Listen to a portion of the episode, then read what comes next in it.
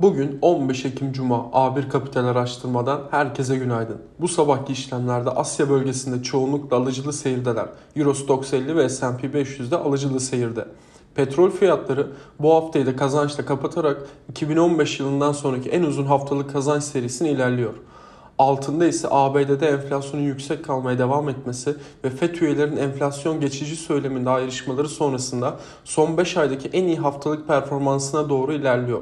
Gram altın ise dolar TL ve küresel altın fiyatlarındaki hızlı yükselişte 2021'in zirvesinde seyrediyor. Japon hükümeti tedarik zinciri sıkıntıları ve Çin'in ekonomik yavaşlamasının Asya'ya araç ve elektronik parça ihracatını olumsuz etkilemesinin ardından ihracat için beklentisini 7 aydır ilk kez düşürdü.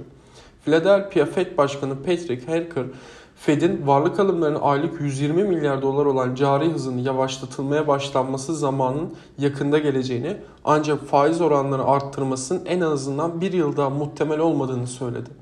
ABD Başkanı Joe Biden, federal hükümetin borçlanma tavanının geçici olarak 28,9 trilyon dolara yükseltilmesini öngören yasayı onayladı.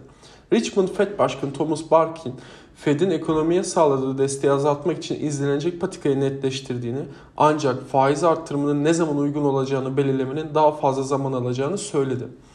BIST 100 endeksine teknik olarak bakacak olursak Perşembe günü %0,13 kayıp ile 1411 seviyesinde kapattı.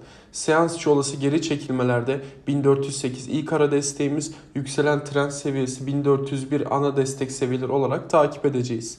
1401 desteği aşağı yönde geçilmesi durumunda ise 200 günlük üstel ortalama 1394 destek seviyesine geri çekilme hareketi hızlanabilir.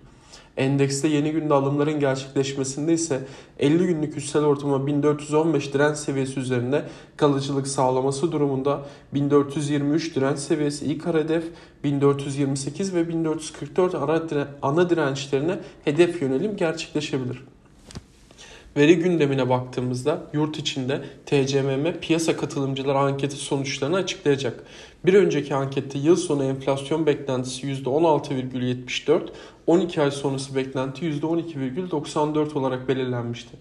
Günün ilk verileri TÜİK tarafından gelecek ücretli çalışan ve TCMM tarafından açıklanacak kısa vadeli dış borç istatistikleri olacak.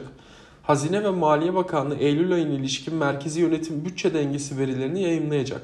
Merkezi yönetim bütçesi Ağustos ayında 40,8 milyar TL fazla vermişti.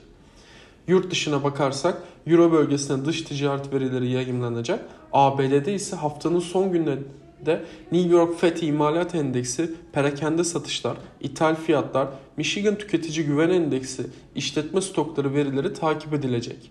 Pozitif kalın, herkese bol kazançlar.